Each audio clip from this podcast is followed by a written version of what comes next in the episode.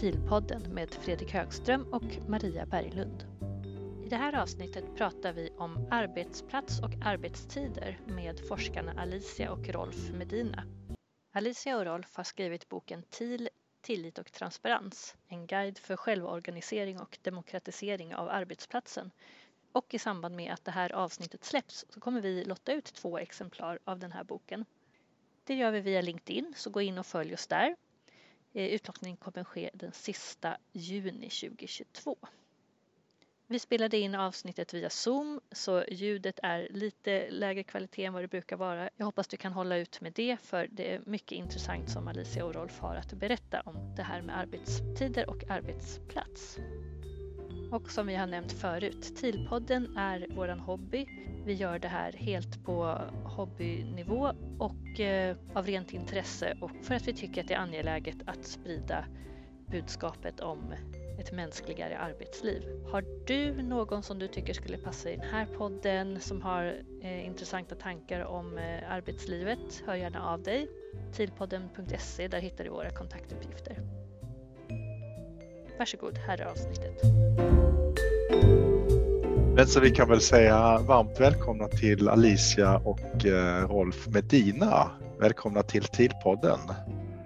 Tack så mycket. Tack. Jättekul. Det väldigt spännande att vara här igen efter, ja det är lite mer än ett år. Jag tror det är nästan ett och ett halvår sedan jag var här sist. Och det har hänt en hel del. Det har det gjort. Och det är så kul för vi, vi eh, i första samtalet vi hade med dig Alicia, Alicia då berättade du om boken som jag höll på att skriva och sen det andra där Rolf var med, då pratade vi om boken som hade kommit ut och nu ska vi, tänkte att vi skulle djupdyka i en del av boken kan man ju säga, en del av den här modellen ni har tagit fram.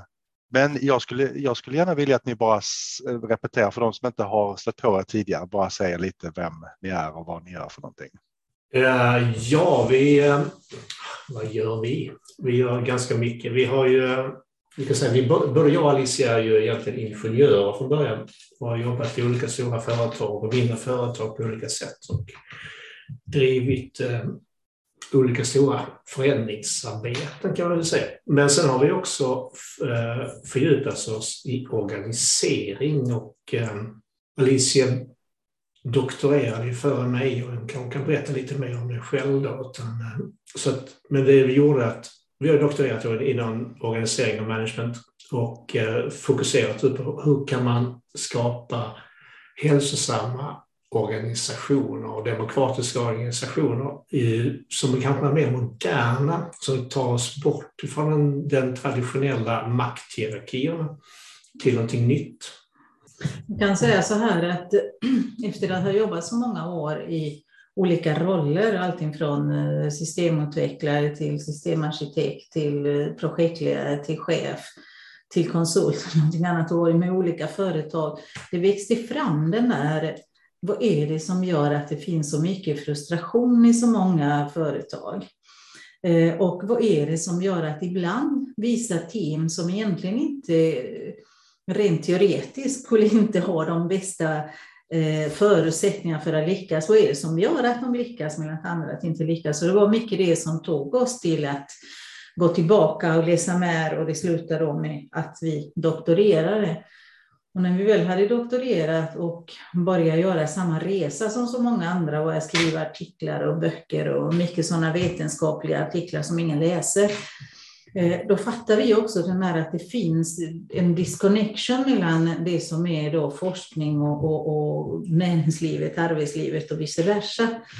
Arbetslivet och inte, nyttjar inte det som den forskningsresultat som finns och de som är forskare de är kanske inte så intresserade att det används utan det är bra att ha gjort det för det ger en merit och så går man vidare då till nästa steg i den akademiska karriär.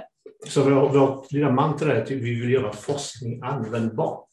Och vi vill också få in det som finns i, i man ska säga, olika typer av business eller verksamheter in i forskningen. Så koppla samman de här två världarna.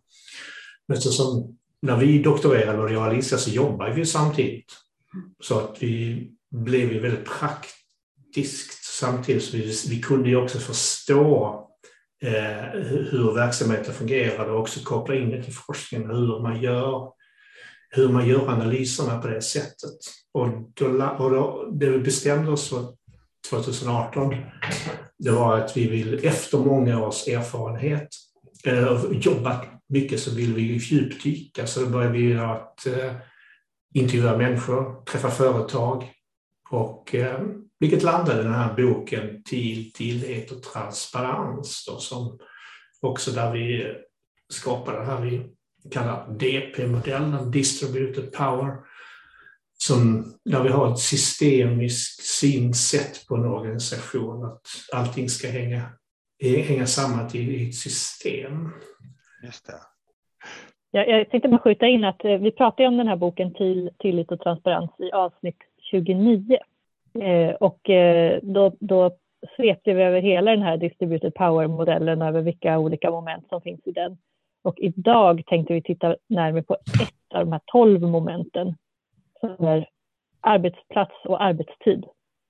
Och sen när vi bollade lite inför det här samtalet så var ett förslag att vi skulle liksom säga att temat för samtalet är när och var gör man egentligen jobbet? Att det liksom är det som är kärnfrågan utifrån det här eh, området. Hur gick tankarna där Alicia? Varför tyckte du att det, eller varför tyckte ni att det skulle vara ett eh, bra tema? Just för att när man, när man pratar väldigt mycket om när, det är just den där både hur mycket man ska jobba och när ska man göra jobbet. Och vad är det som säger att människor måste jobba till exempel åtta timmar och att de där åtta timmarna ska vara i ett sammanhang? Varför kan man inte dela de där åtta timmarna? Om det nu ska bli åtta timmar, dela det i mindre delar. Eh, eller ska man jobba mindre eh, än åtta timmar och så vidare? Så det när innefattar ganska mycket. Och sen är det den där, var gör man egentligen jobbet då? Är det så att man gör jobbet när man sitter precis på arbetsplatsen eller kan man göra jobbet då någon helt annanstans? Då? Ni har berättat till exempel att ni hade ni kom på den där idén att kunna starta till på den när ni går och promenerar. Det var inte när ni satt i, i ett arbetsmöte för att få fram idéer. Eller hur? Sant, helt sant. Det är jätteroligt att säga just det där för att vi har ju en, en, en gammal kollega till oss i Malmö som gjorde ett projekt som kallades Stick ut som handlar om eh, utearbetsplatser. Ah. När man just gör den här kreativa mm. dialogen när man typ promenerar eller man gör någonting ute för att skapa rörelsen och att vara ute skapar en annan kreativitet. Så det var jätteroligt att ni berättade om att ni skapade tid på det just när ni gjorde en promenad. För det hänger ja, men jag tycker det låter så väldigt, ja, det är så tilltalande också för, för just den här idén som du var inne på också Elise, åtta timmar om dagen. Och vi pratar, och det ska jag säga också, att det är kontorsjobb vi pratar om nu. Och, och just den delen av arbetslivet. Men att liksom, överhuvudtaget som människa sitta still åtta timmar vid en dator, det mår man inte bra från första början. Och då behöver man liksom få in det här, okej, okay, men då behöver jag ta en paus varje tre kvart eller vad det nu är. Och redan då har man ju börjat hacka upp, så det är någonting man behöver hitta där i, men om man säger på kontor. Ja, men arbete, om man tänker, det finns tre, tre parametrar man tänker på arbete. Det finns plats, tid och omfattning. Vissa arbeten måste du göra på en specifik plats. Vissa arbeten måste göra på en specifik tid och vissa arbeten har en viss omfattning. Alltså platsen kan vara, om producerar någonting så måste det vara just med den där maskinen du gör det. Eh, och ibland så måste jag göra det under en specifik tid. Du jobbar till exempel ett skift på en processindustri och då måste vi göra jobbet just där. Du måste sitta i kassan på ICA för att göra det just där. Sen har du ju vissa saker som du kan göra på, måste göra på platsen, men det har ingen betydelse av tiden. Alltså du kan göra det flexibel tid tillsammans med andra och det är en viss omfattning. Och så har du vissa saker som måste göra på en viss tid, men oberoende av platsen, typ en support och så vidare. Du kan sitta var du vill, men du måste vara tillgänglig en viss tid. Och så har du de här eh, arbeten som kan göras när som helst, var som helst. Och jag tycker dialogen efter pandemin har varit väldigt mycket på att nu ska vi göra hybridmöten, vi ska göra olika saker, vi ska jobba på olika platser. Men vi glömmer lite grann att tänka på var och när måste arbetet utföras. Mm. Och vad är i det här sammanhanget, vad är omfattning om du kan konkretisera det? Omfattning är hur många timmar måste du jobba kontinuerligt för att utföra ditt arbete. Okej. Okay. Mm. Och det, vi har ju tid. Eh, det är ett av mina stora problem personligen, att vi har tid som ett begrepp på hur vi mäter ett arbete. Inte på leveransen. Mm.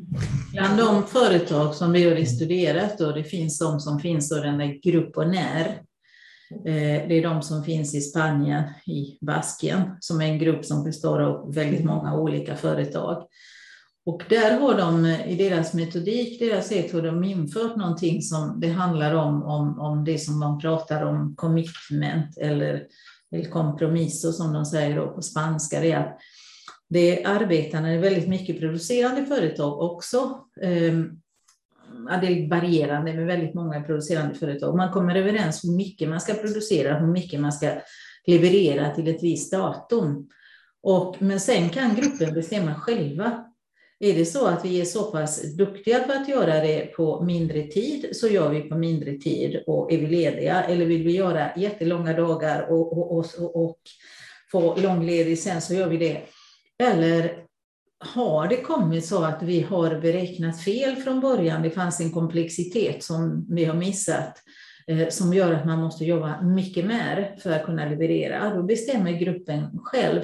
Då, då är tiden beroende av vad har man committat sig att leverera. Och inte så att man ska bara jobba på tid och leverera så mycket som tiden tillåter. Så de har kommit så pass långt i att se eh, leverans kontra tid. Just det. Om, man, om det skulle vara okej okay att vi, bara om ni ville guida oss lite så här, hur liksom ser utvecklingen ut? För nu har det ju varit en pandemi och det känns som att det har haft en jättestor påverkan på de här frågorna, även om det säkert, som du var inne på Rolf, finns ytterligare liksom sätt att förfina den diskussionen. Mm. Men innan pandemin, för då, vi, då, hade vi åtta timmars arbetsdag för de flesta och vi liksom, man var på kontoret hela tiden. Vad är liksom, hur har vi landat där? Alltså varför har vi kommit dit? Uh, till åtta timmar och den uppfattningen vi har haft om jobbet. Liksom, att man åtta har... timmar. 1914 så införde Henry Ford åtta timmars arbetsdag i sina fabriker.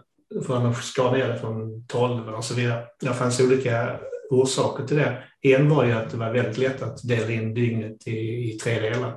Så man Samtidigt så att människor orkar inte jobba för länge. Det Henry Ford gjorde också samtidigt det var ju att han tror jag, nästan dubblerade lönerna. Och då blev produktiviteten mycket, mycket, mycket högre.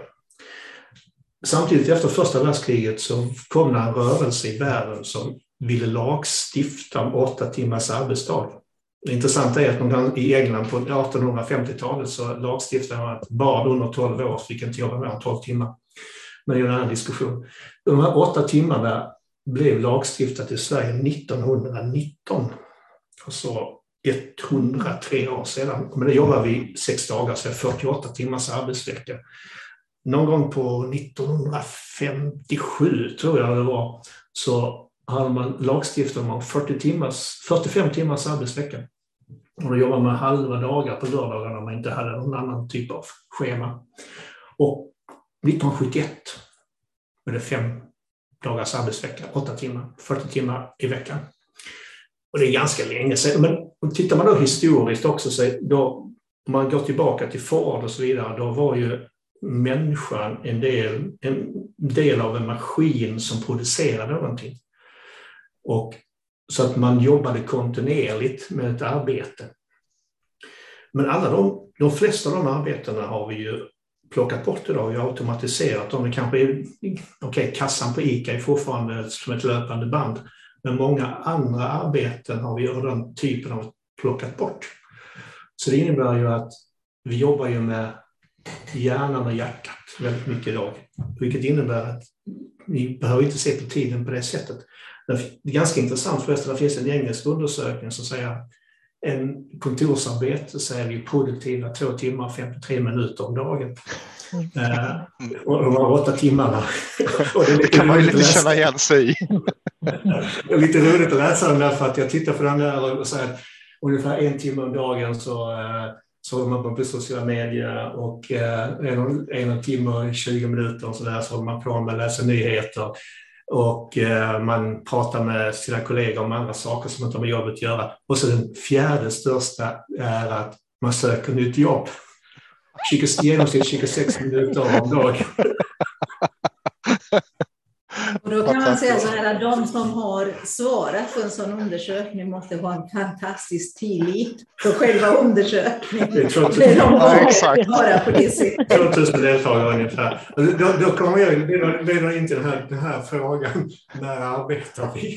Ja, ja. Jag, jag arbetar ju hemma här också när jag står och skalar potatis och så vidare. Liksom, vad är produktivitet och vad, vad där jobbar vi egentligen? Så när vi gör den här typen av arbete som vi pratar om, med kunskapsintensivt. Eller hur? Mm. Mm. Eh, jo, för det var ju 103 år sedan sa ni, det var då man kom fram till att åtta timmars arbetsdag, det är lagom. För 103 mm. år sedan då satt man inte i Teams och Zoom-möten hela dagarna. Då mm. gjorde man ju andra typer av arbetsuppgifter, mycket med kroppen och sådär. Och nu den här undersökningen vet vi inte sanning, liksom hur sant det är, men som säger två timmar och 53 minuter är man verkligen produktiv. Är det tanke då att den här typen av arbete som vi gör idag inte går att göra åtta timmar om dagen för alltid?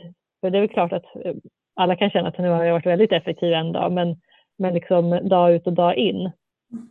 Nej, men det kan det vara så? Eller? Jo, men det, det, är ju så. Dels är det att den typen av arbete vi gör i, idag, när vi hanterar information på ett annat sätt och en informationsflöde, en, ett sätt att kommunicera med många. Det är mycket mer en eh, relation mellan människor och det är så mycket som händer på mm. arbetet så det blir nog också svårt att göra det under eh, Eh, så många timmar. Men sen handlar det också återigen om det som är det, det holistiska, det systemiska, att se helheten. Om människor är på arbetsplatsen eller jobbar eh, mindre antal timmar så händer det någonting annat i deras liv, till exempel att de har en mycket rikare fritid, att de eh, Eh, är mycket mindre stressat, de eh, tillbringar mer tid med familjen, de blir mer positiva. Det händer massa olika saker som gör att de sex timmar, om det nu ska bli sex timmar man jobbar, eh, då, då ger man mycket mer och är man mycket mer produktiv. Och med tanke på det vi säger att man inte tar tillvara till det som forskning kommer fram till. Då var det så att i Sverige då Eh, under 2007 så publicerade eh, Arbetslivsinstitutet en jättestor undersökning som de hade gjort under 18 månader. Där 800 eh, personer då, eh, som jobbar inom offentlig värld i Sverige eh, testade detta då att jobba sex timmar Eh, och det resultatet var ju fantastiskt bra. Och sen var det några år senare så kom då en annan eh, forskare, då, en eh, stockholmsk tjej då, som heter Helena Kiler, som från början jobbade hon på Handels och sen gick hon vidare som rektor i den psykologiska institutionen, väldigt mycket med arbetsrätt och arbetsrätt. Och hon bara tittade och lyfte på det och det var det också den här att ja, människor mindre sjuka, mycket mindre stressat, det var allt det där. Unionen försökte uppmärksamma den där undersökningen och eh, sprida den informationen och så vidare nu under 2019, precis innan pandemi och så vidare. Men det händer inte mycket i Sverige ändå, trots att man har gjort mm många sådana försök, pilotprojekt eller rena forskningsprojekt som den här var. Det är 18 månader och 800 personer. Det är ganska mycket material man hade för att kunna sen göra någonting annat. Eh, men det har vi inte gjort än. Nej, Hur kommer det sig då? Vad, vad, vad beror motviljan på eller varför uppmärksammas inte mer? Eh, ja, det är en, det är en väldigt eh, bra fråga. Jag tror att det handlar väldigt mycket om att eh, förändringar oftast tar tid. Mm. Det finns också då från arbetsgivarorganisationer, det finns också en motstånd för att de tror att det ska kosta mycket mer. Men om man tänker till exempel Island gjorde då, ett, och det är landet som ligger som nummer ett i världen, det är faktiskt Isla. Eh, de gjorde ett försök mellan 2015 och 2019 eh, och det försöket eh, förfinades under tiden och man verkligen tog del av det resultatet. Och idag då jobbar 85 procent av befolkningen enligt det. 85 procent av befolkningen, det är ganska mycket. Eh, Nya Zeeland också har sedan några år tillbaka inför de där fyra dagar. Eh, eller för de som väljer att jobba fem dagar så har de också kortare arbetsdagar. Och där har man sett att eh, framförallt i Nya Zeeland finns det väldigt bra siffror på, det gäller ekonomi och så vidare, att det blir billigare för företagen. Okay. Nej, Microsoft i Japan testade 2019 att köra fyra dagar och man såg att sjuks, sjukskrivning och ledighet minskade med ungefär 25 procent. Produktiviteten ökade mm. Med 40 procent och man hade typ 23 procents lägre elförbrukning. Alltså du ser att de här, jag raljerar lite grann med de här två timmar och 53 minuterna. Men säga, mm. är du åtta timmar på en arbetsplats så gör du inte åtta timmars arbete. Lite det det handlar om. Hur blir vi? Vad är det vi levererar mera? Så att, och om jag sätter åtta timmar på min arbetsplats så jag kommer jag inte att vara produktiv och göra jobb, som jag säger, åtta timmar. Lite det det handlar om. Intuitivt så känns alltså det var därför det var så kul att höra om den där undersökningen för att i alla fall personligen och jag tänker att väldigt många man har bollat de här frågorna med känner igen sig i den bilden att man ska vara här de här timmarna eller att lampan ska vara grön i Teams de här timmarna. Och sen vet man om att en stor del av tiden ägnar man åt, nu är jag för trött för att jobba, vad ska jag sysselsätta mig med under tiden? Eller nu, nu har jag ingen motivation att jobba, då måste, vad ska jag göra istället? Ska jag fika med någon eller ska jag, liksom, ska jag kolla på nytt jobb? Ska jag kolla sociala ja. medier? Och då, kommer vi tillbaka till det här igen med varför gör det, men det låga engagemanget som vi alltid pratat om tidigare och vi är inte så engagerade i arbete för det hänger också ihop med våra maktstrukturer och rätt person man kan inte använda det man är bra på och så vidare. För det skapar ju också engagemanget. Nej, men så, jag kan ju gå till mig själv ibland också. Jag har haft perioder där jag kanske jobbat massvis med timmar och bara producerat och där jag är riktigt engagerad i det jag gör. Just det. Så att vi har ju de här topparna och dalarna. Det är de kanske man också ska fundera på. Hur gör vi? För ibland är vi väldigt effektiva om man ska gå från produktivitet till effektivitet. Och ibland är vi mindre av detta. Och det, det är inte alltid konstant. Eller hur? Nej, nej verkligen inte. Jag, jag, tänkte på de här tre mm. faktorerna du tog upp Rolf, de här tid, plats och omfattning. Och mm. För det låter som en bra säga, utgångspunkt att resonera kring de här frågorna. Så här, vilken tid krävs det faktiskt? Vilken, finns det någon plats det krävs på och sen i vilken omfattning? Och också kopplat till det du sa Alicia om det här Gruppo Nero som verkade labba med dem där liksom för att leverera det som man kom överens om att man ska leverera under en tidsperiod. Eh, nu har precis eh, Belgien har eh, lagstiftat nu i februari att man ska jobba fyra dagars arbetsvecka. För många människor kommer att bli så att man jobbar sina åtta timmar under de där fyra dagar.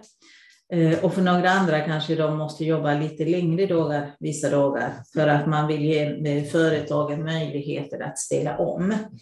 Eh, men detta har precis infört det.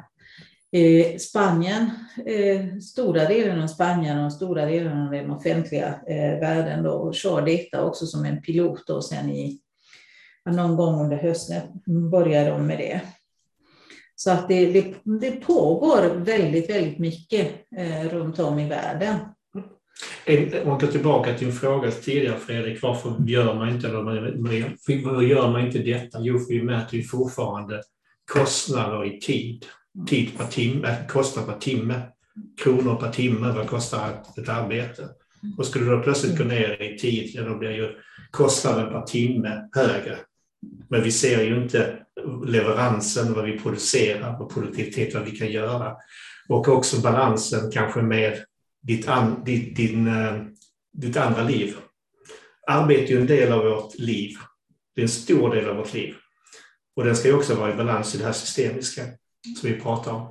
Och då, då måste vi liksom se hur det här hänger ihop. För vi vill också göra ett bra arbete och leverera ett bra jobb. För vi ska vara nöjda med den tiden vi arbetar, vi ska tycka om att arbeta. Så att eh, det finns sådana parametrar tror jag som styr varför gör man inte detta? För vågar man inte ta den här, den här, eh, det här steget att gå ner? Och sen är det kul också att säga, vi pratar mycket om sex timmars arbetsdag. Och då är vi tillbaka till det här igen att då kan vi dela in dygnet i fyra delar istället för tre. Rätta mig om jag har fel, men jag har känslan att det har varit lite vänsterfråga när det väl har varit uppe, har förkortad arbetsdag. Ja, det har väl blivit där man har drivit ifrån en, en vänster eller, eller Miljöpartiet har haft det väldigt starkt i sitt, sitt eh, program under lång tid. Istället för kanske se det från att vad är det vi behöver göra för att leverera, för att få en, få en, en effektiv, och produktiv och lönsam organisation. Och en hälsosam organisation. Så att eh, jag skulle vilja plocka bort den från någon typ av politisk eh, ståndpunkt. Man, man behöver inte beräkna timmar utan man behöver, om människor har då sin, sin eh, månadslön precis som de har där på Grupp och När, så beräknar man då att det de har producerat, hur mycket det har kostat att producera baserat på den där månadslön. Och det har det inneburit, ibland har de jobbat mindre, ibland har de jobbat mer. Och det är de själva som planerar och bestämmer eh, när vi kan leverera och hur mycket kan vi leverera till varje enhet.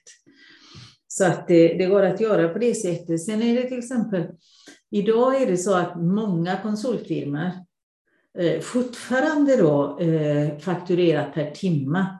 Det är inte så att man säljer en projektledare som har ansvar att leda ett projekt och då får du betalt för att du leder ett projekt, utan det, det, det faktureras per timme.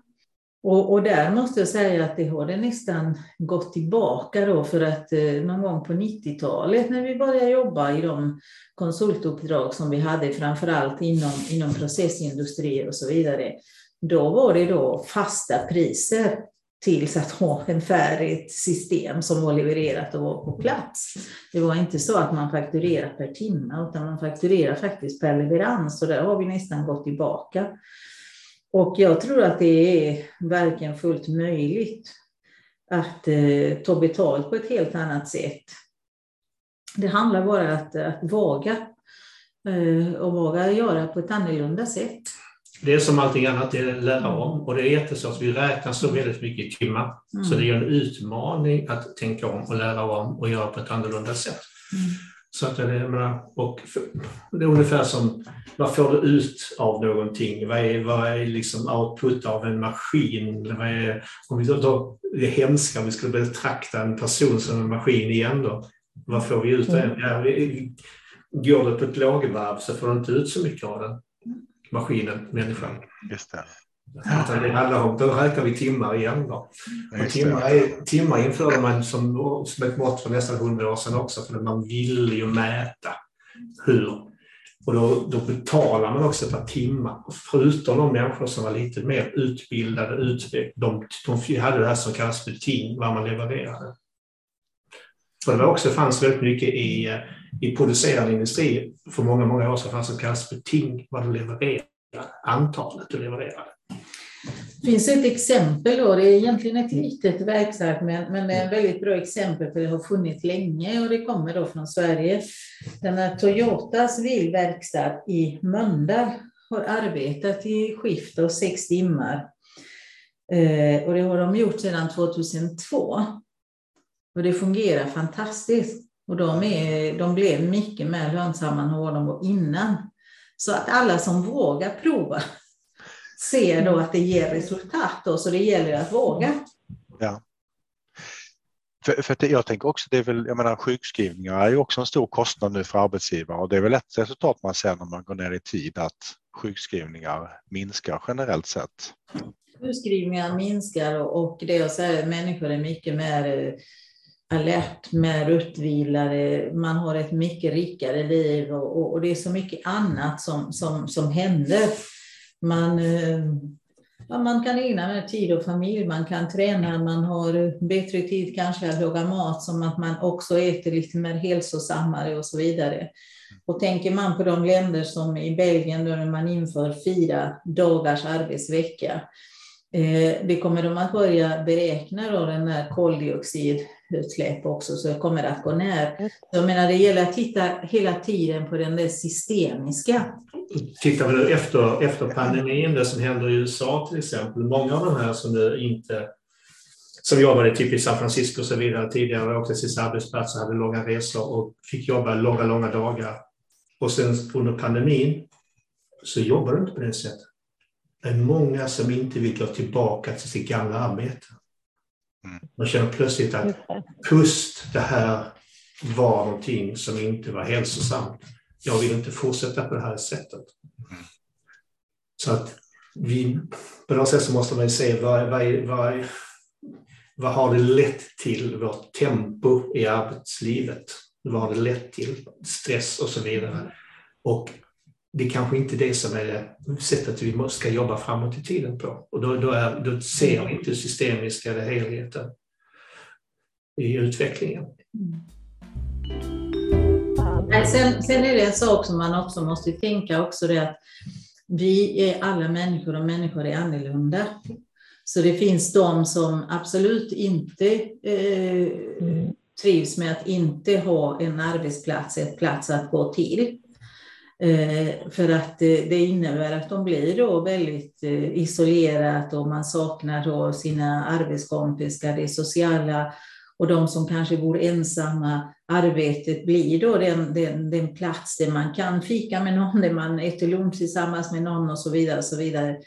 Det är därför vi tycker att den där till exempel som Airbnb har annonserat nu som, och då presenterar de som en jätte, jättegrej. Vi stänger alla våra kontor. Eh, och alla kan jobba var man vill och det finns 70 länder, för då finns det några dagar, specifika dagar per år eh, som man måste mötas då och därför måste man vara i, i, i de länderna som de har sagt. Men då är, det, då är det en tvingande sak åt andra hållet. Mm, Precis som man tidigare tvingade Mm. alla att gå på Mm. kontoret. Då var man där att tvinga alla till att nej, du har ingen kontor, du ska jobba hemma och så vidare. Och, så vidare och den är inte heller bra, för att man måste också tänka då framförallt på alla länder där, Airbnb finns.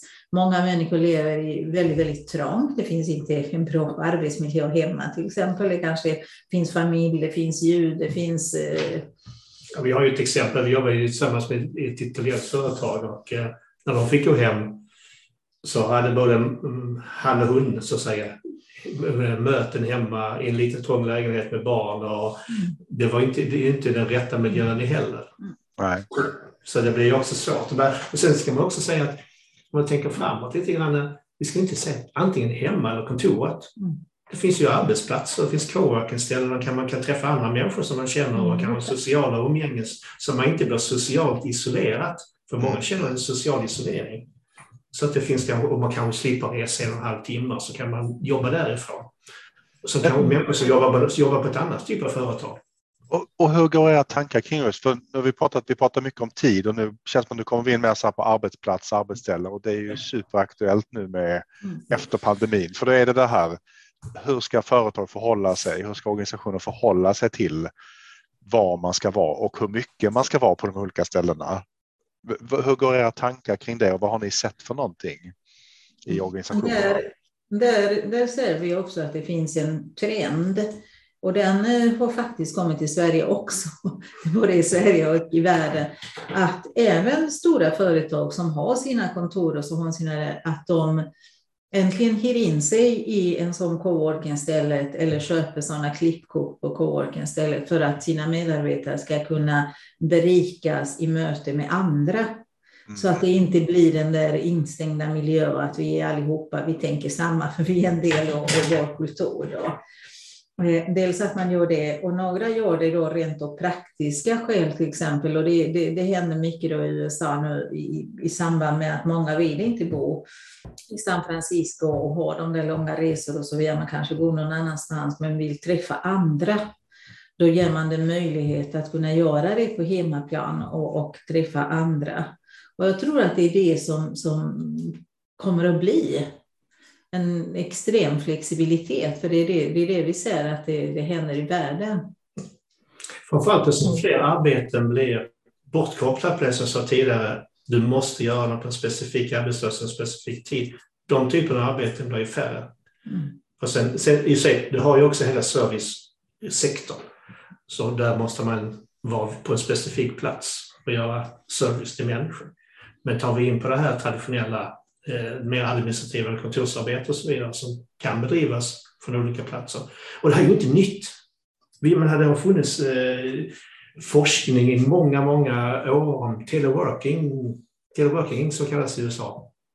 Människor, framförallt kvinnor, som jobbade hemma med telefonen och gjorde olika saker, sålde och supportade. Och vi hade också en forskning eh, som vi hade en, tillsammans, som jag också träffade på en kvinna som för snart 15 år sedan som hade forskat länge inom virtual teams. Hur fungerade de teamen som fanns på olika ställen? Så att jobba distribuerat är ingenting nytt, men under pandemin så har det liksom poppat upp till att bli någonting som är helt, helt nytt, men det är ju inte det. Men alla har fått prova på. Ja. Tidigare var kanske specifika grupper eller specifika team. Och när jag jobbade till exempel på AstraZeneca, det var så alla forskare jobbat där. De fanns den här, hade sina virtuella team ute i världen och man delade. Och det var enorma forskningsprojekt som pågick under en längre tid, men det var helt distribuerat. Men nu fick alla prova på det. Mm. De blev så illa tvungna liksom att, eh, ja. Mm. Men, och, och, och, så såg vi också att de, de företag, det har vi sett väldigt tydligt när vi också gör vår undersökning, att de företag som har ett ledarskap som är inte command and control utan är mer ett, ett coachande ledarskap, de har ju klarat sig mycket bättre. De som litar på människor, de som har tillit till mm, ja. sina anställda. De har ju lyckats mycket bättre än de som kontrollerar. Vi har sett hemska saker under pandemin. När man verkligen kontrollerar, måste skicka in eh, screenshots av skärmen eller någonting annat eller visa att man är online hela tiden. Och, och berätta hur många mejl man har skrivit och och sen har det självklart också kommit då många olika applikationer eh, där de verkligen vill, eh, när man tar de digitala hjälpmedel till att kontrollera människor, där man verkligen kan se och få rapporter. Hur lång tid har man inte varit med och jobbat och gjort någonting, inte klickat någonting eller inte skrivit och hur lång tid har det tagit att svara på varje mejl och, och, och, allt det där. Och så det finns en hel sjö av sådana applikationer som har kommit också. Det vill säga som arbetsgivare kan använda för att mäta ja. hur mycket händer på datorn här. Ja, vilket är horribelt. Jag ska bara säga att det kopplar ju direkt till vad man tänker är arbete. Som vi sa, så här, den där idén man får mm. på promenaden den syns ju inte i ett mätverktyg som räknar hur många mejl du har skrivit. Ja. Men, den, men den idén kan vara helt avgörande för, för vart mm, organisationen tar vägen och vad man kommer på och gör. Det var en av de eh, som feedback som det här pilotprojektet som hade det här stick ut som jag pratade om när vi skulle, när vi skulle ta fram eh, utearbetsplatserna. Många kände att om jag går ut, jobbar jag då? Mm. Kommer de andra acceptera att jag arbetar om jag går ut och tar en promenad och tänker?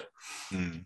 Eller om jag har, går med min kollega och diskuterar ett problem. Mm. Arbetar jag?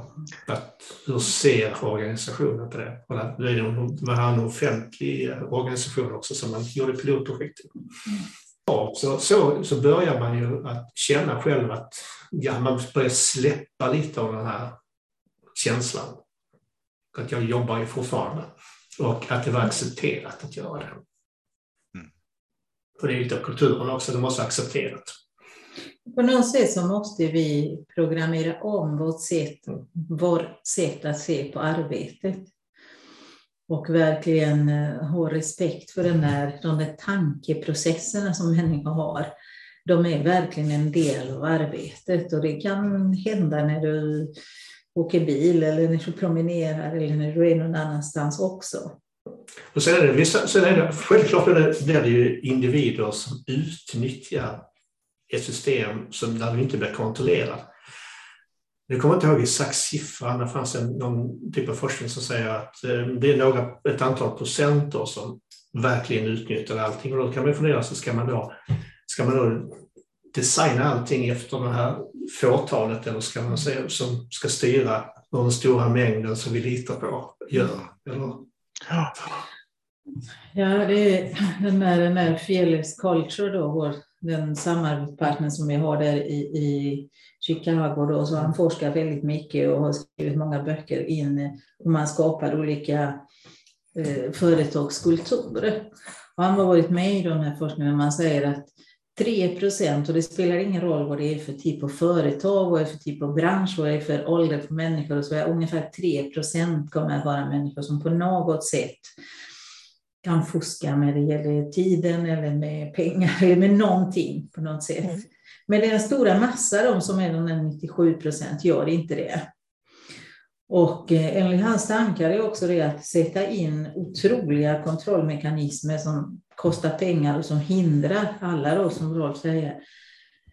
Det, det, på något sätt lönar sig inte. Låt de där tre göra det, för det kommer att hända ändå oavsett vilken kontrollmekanism man har. Eh, mm. Den här 3 procent är ändå så pass listiga så de kommer ändå hitta en väg att... Exakt, det kommer ändå få ner en procentenhet kanske med ja. kontroller och sen så är det... Och då spelar det ingen roll. Och skulle de få med sig 2 procent till så har det ändå ingen betydelse. Nej, exakt att det blir någon typ av eh, konkurrensfördel för företagen oavsett vad de bestämmer så att det blir mer att den som söker jobb söker sig till den typen av företag där man vill vara. Ja.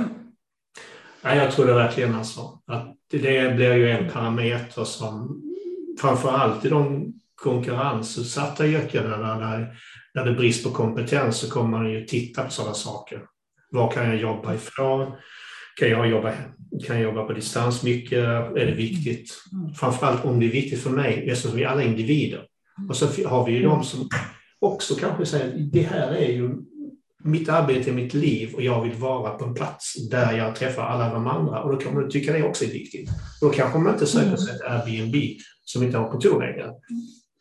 Men sen tycker jag att det är någonting som också har varit lite fel i debatten, debatten där på något sätt. För att när man ser mycket den där flexibla arbetsplatsen och jobba från det man vill och allt den där, så brukar man ha sådana bilder, du vet människor som sitter på stranden och håller på och dricker sin piña colada eller solar. Det handlar inte om det. Ja, men, ja, det är eller sant. de som säger jag åker och surfar. Och, det är inte det. Det kanske är en liten del, en liten, liten del kommer att göra det under en specifik eh, tid av deras liv. Men för de allra flesta som jobbar så är det inte det det handlar om. Utan det handlar om att ha en, en eh, bättre balans, en rikare liv och så vidare, inte bara, bara på stranden. Man kanske jobbar närmare sin mm. familj som bor kanske lite längre bort och sådana saker. Man kan ha en annan få ett annat socialt umgänge så att man får livet blir bättre för mm. individen. Och är man gladare mm. och så är man mer engagerad även i arbetet och gör ett bättre jobb. Mm. Företag som har kommit länge i att införa agila metoder och lite lättare att ta till sig den där nya. Men sen ska man också tänka så här att i ett företag så handlar inte den där att leverera den produkten, utan vad är det som kommer i nästa steg? Eh, har människor utvecklats under tiden som de utvecklar produkten eller inte? Eh, eller har de varit så instängda i den här att leverera sin produkter så de har missat allt annat som har passerat och som är det nya. Och när det kommer att bygga nästa generation, helt plötsligt så har vi en grupp människor som inte har den kompetens som behövs.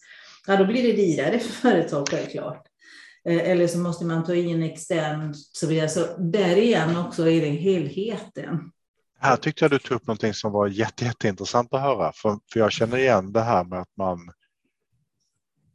man säger att vi har inte tid för kompetensutveckling eller vi, vi, vi har inte tid med det och här kopplar du lite de här ett annat fokus där det också ingår liksom en naturlig del att vi måste hänga med, vi måste utvecklas, vi måste liksom kunna se utanför i den stora världen vad som händer.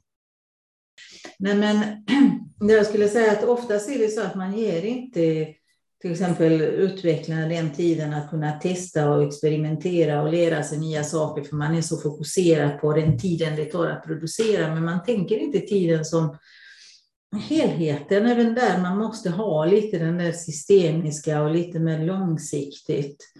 Att vi i en värld när allting går så otroligt fort, man måste ju lära sig, man måste ha lite tid att kunna lära sig den nya tekniken eller om man jobbar med inom ekonomi, vad är det för nya regler som kommer, vad är det för nya saker, som, nya trender.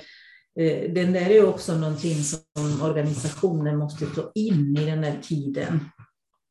Eh, jo, jag, jag tänkte på eventuella risker kring det här. Jag tänker om man lyssnar på det här nu så tror jag en del kanske tänker att om man inte har de här timmarna att hålla sig i, är inte risken att folk behöver jobba 10 timmar för den där leveransen eller 12 timmar och så sitter man där sönderstressad för att vi inte har det här ramverket?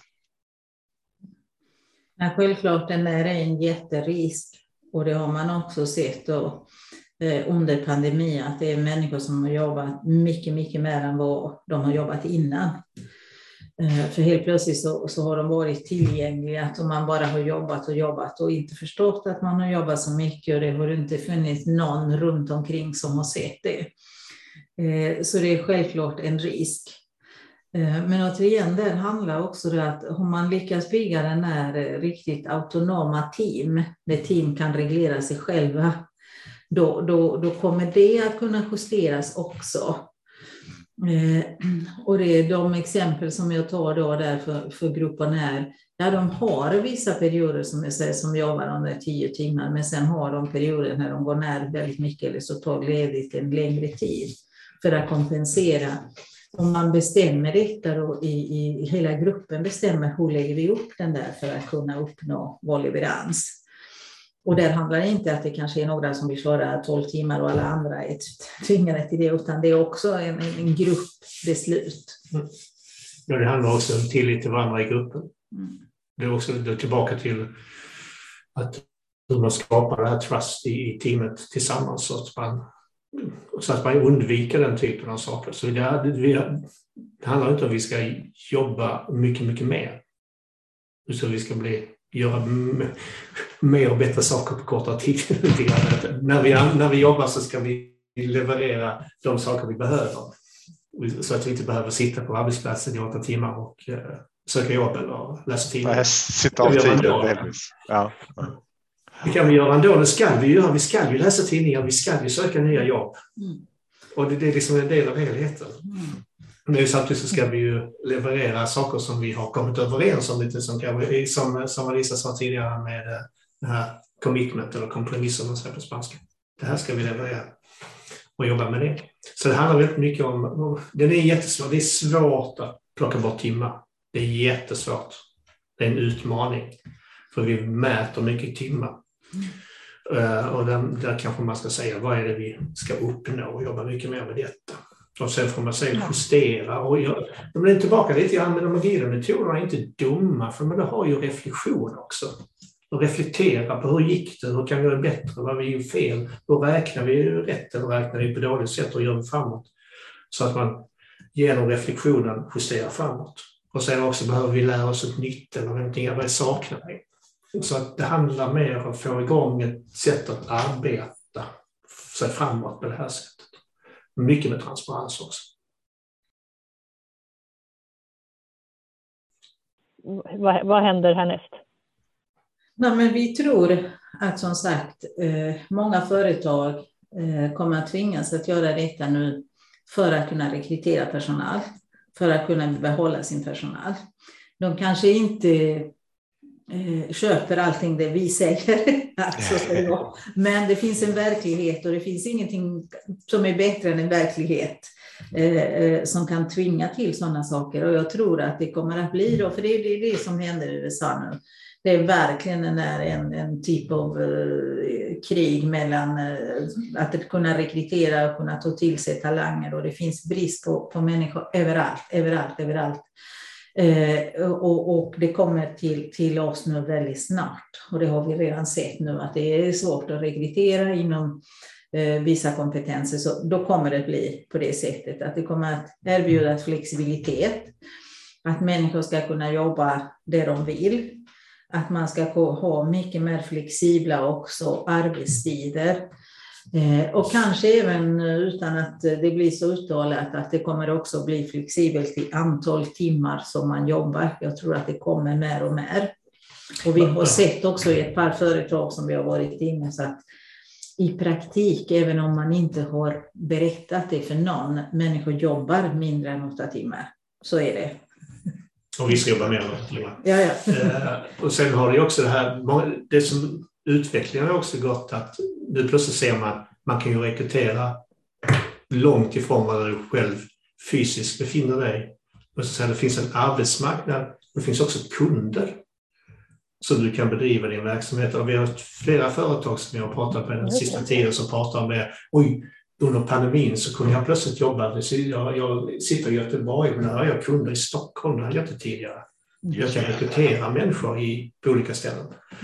Så att, och där tror jag att där måste vi hänga med för mång, där kommer vi, det kommer bli ett litet slagfält, det kan vara fel ord i, dag, i dagens tid kanske att använda, men det kommer bli ett, ett, en konkurrens om arbetskraften som är lite större än tidigare. Globaliseringen var ju väldigt mycket utifrån att vi ska producera i lågkostnadsländer och så vidare. Nu ser vi kanske en globalisering, citationstecken, där vi säger att kompetensen finns globalt och tillgänglig. Och givetvis innebär det ju att människor måste då utveckla sig i språk och så vidare och för att skapa sig konkurrenskraft också. Så att jag tror att det, där måste vi hänga med. Den andra trend som vi har sett, och det har ni sett kanske ännu mer då, det är i Stockholm, det är att många företag som har haft jättestora kontor börjar flytta till mycket mindre kontor. Man behöver inte ha de där jättestora Eh, arbetsplatser som är en väldigt stor kostnad för företaget men också rent miljömässigt kostar enormt.